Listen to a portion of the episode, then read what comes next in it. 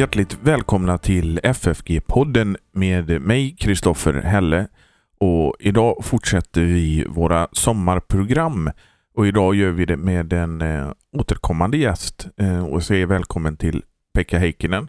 Tack. Och är det så att man vill ge ett bidrag till församlingsfakultetens och den här poddens arbete, gör det gärna på Swish. Numret är 123 100 8457 och finns också i avsnittsbeskrivningen av det här avsnittet och på vår hemsida ffg.se. Och så märker man det med FFG Gåva eller FFG Podcast så kommer det fram till rätt mottagare. För annat som eh, händer på församlingsfakulteten besök vår hemsida ffg.se.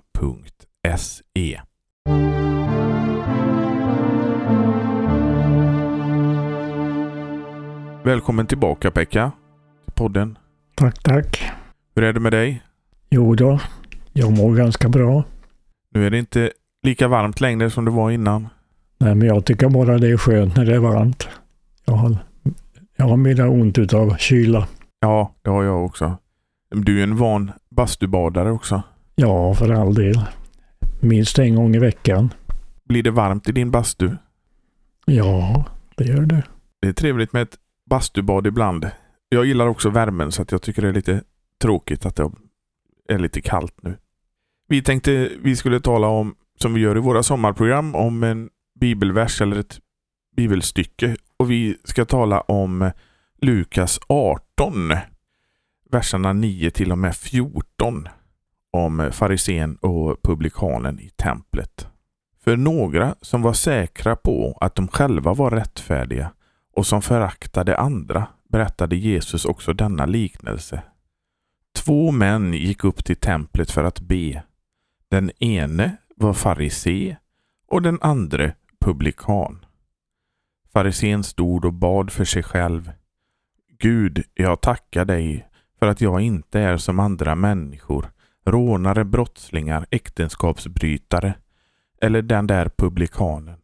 Jag fastar två gånger i veckan. Jag ger tionde av allt jag tjänar. Publikanen stod långt borta och vågade inte ens lyfta blicken mot himlen utan slog sig för bröstet och bad Gud, var nådig mot mig syndare. Jag säger er, han gick hem rättfärdig, inte den andra.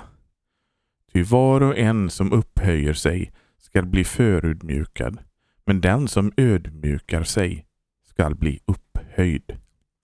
Det är ju ett ganska så känt stycke det här Pekka. Ja, verkligen. Och han är publikan. Vad, vad menas med det? Det var judar som eh, gjorde tjänst åt ockupationsmakten Rom och eh, tog upp eh, tull utav judarna. Och eh, då gjordes, gjorde de sig kända för att de tog mer än de egentligen skulle göra. För att de kunde stoppa en hel del utav överflödet i sina egna fickor. Därför var publikanerna väldigt illa sedda utav judarna.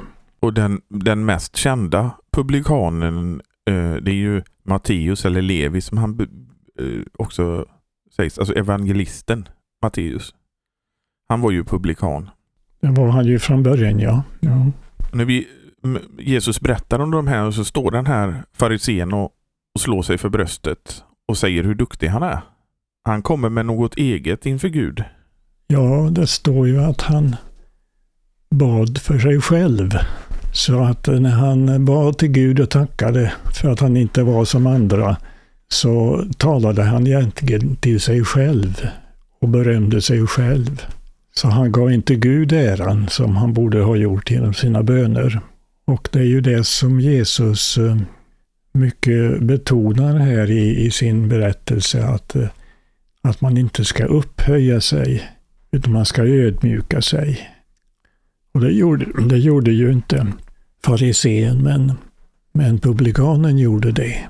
Gud, misskunda dig eller förbarma dig över mig, syndare. Jesus väljer ju att eh, en farisé och en publikan till sin liknelse. En farisé som var ganska högt upp i samhällshierarkin och en publikan som vi talade om innan som var ganska lågt där nere. Ja, man får ju säga att Jesus var skicklig när han valde ut dessa totala motsatser och sedan säger att uh, publikanen, han var rättfärdig i motsats mot den andra. I 1917 års översätt står det ju att han var um, rättfärdig. Och hur står det nu där i 17 års översättning? Rättfärdig mer än den andra. Titta här. Jag säger eder, denne gick hem igen rättfärdig mer än den andra. Ja, just det. Och det, det men sen, sen, i den sista översättningen så står det ju att han var rättfärdig i motsats till den andra.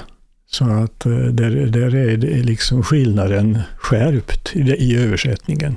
Jag kan inte översätta själv så jag vet inte vilket man kan anse vara den bästa översättningen. Om vi tittar på, på grekiskan så, så ger ju folkbibeln mer rätt att han gick hem rättfärdig, inte den andra. Han gick, han gick till sitt hus, står det. Men just det uttrycket att gå till sitt hus, hur ska vi se på det? Ja, det, det oikos, det kan ju vara hem eller hus. Så att det, det är både och. Grundbetydelsen är hus, men det kan också ha betydelsen hem. Ja, men att... Eh, eller hushåll till och med. Men Jesus han intresserade sig väl inte över, över det, att han gick hem eller till sitt hushåll, utan att han gick hem rättfärdig. Ja.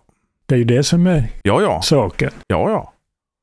Han gick, han gick därifrån, skulle man också kunna säga då, rättfärdig. Jag tänkte på just det som den här publikanen gör här. Vi brukar tala om, särskilt här på västkusten, och det är ju det här med andens fattigdom. Han kommer till Gud utan något eget.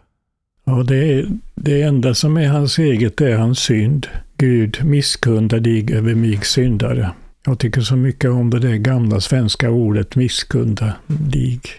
Tycker synd när de, när de eh, liksom ändrar de här gamla fina svenska orden till någonting annat.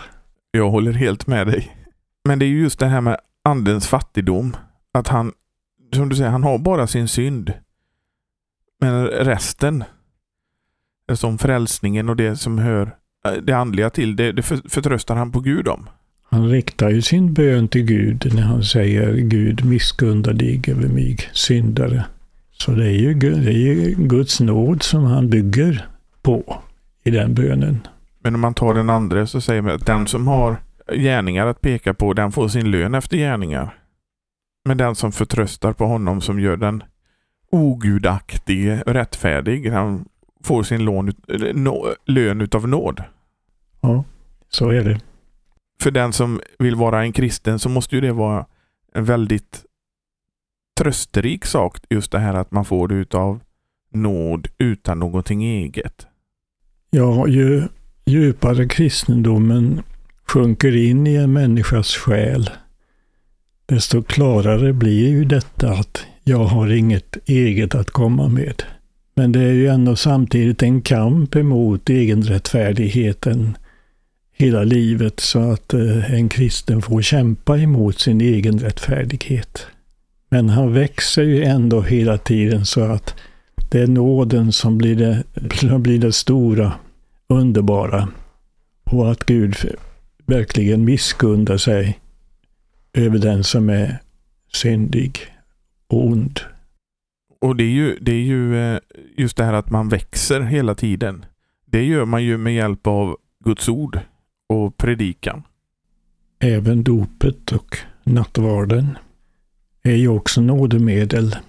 Det står ju i lilla katekesen att dopet verkar syndernas förlåtelse. Frälsa från döden, står det. Frälsa från döden och djävulen och ger evig salighet åt var och en som, som förtröstar på Guds ord och löfte. Jag nämner just det här med att det är inte bara ordets predikan, det är inte bara det som verkar syndernas förlåtelse och, eh, och ett rikt andligt liv, utan det gör även eh, sakramenten, alltså dopet och nattvarden. Och dopet är ju någonting som är viktigt för en kristen i det fallet att man vet att man är döpt och därför är ett Guds barn. Att dopet är någonting som man kan gå tillbaka och säga, jag vet att jag är döpt och ett Guds barn. Ja, det, det, är, nog, det är nog svårt att, eh, att upptäcka just trösten i att jag är döpt. Utan det, det är någonting som man, får, som man kan växa in i ju längre man lever som kristen. Så det, det, det är ingenting, tror jag, det är, inte, det är ingenting som man så att säga köper i, i början av sin kristendom. Utan det är någonting som man ser, ser värdet utav längre fram i sin kristendom. Och eh, när det gäller nattvarden så, så, så får det ju inte bli så att man överbetonar nattvarden. Så att det till slut inte är så noga med Guds ord överhuvudtaget. Men man får ju inte heller glömma att nattvarden är ett nådemedel. Så att man verkligen får andlig nytta utav att gå till nattvarden. Men om man ser på det här med dopet så kan man ju bekräfta med Martin Luther precis det du sa. För, eh, för dopet blev ju någonting som var större och större för honom ju, ju längre tiden gick. Det var det kanske. Det känner ja. jag inte så noga till. Det finns en bok av någon som heter Trigg eh, som verkligen beskriver den här resan som Luther gjorde med eh, dopet. Jag tror den heter eh, någonting med Baptism och Martin Luther. Och den beskriver just det att som en romersk katolsk munk så såg han ju dopet som en engångshandling.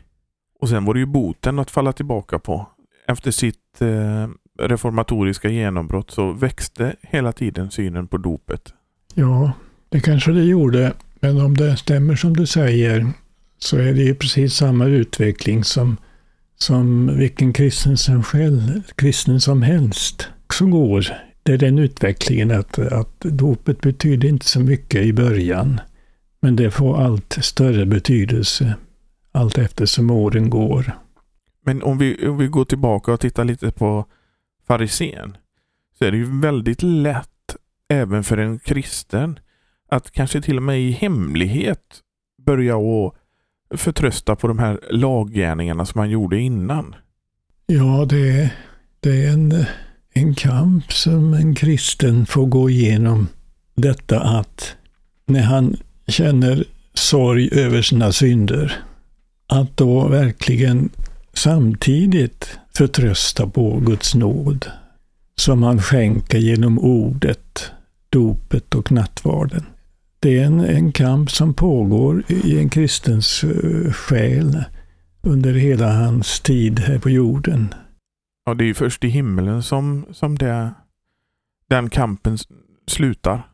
Det är ju en salig död och glad uppståndelse som vi verkligen får ut det som Gud vill skänka oss. Det tar så lång tid så att säga att få det fulla värdet utav vad Jesus har uträttat för oss i sin, i sin återlösning. Ja, Pekka, nu har vi talat lite om Lukas 18, om eh, farisén och tullindrivaren. Har du någonting mer du vill tillägga innan vi avslutar detta korta sommarprogram? Nej, det har jag inte.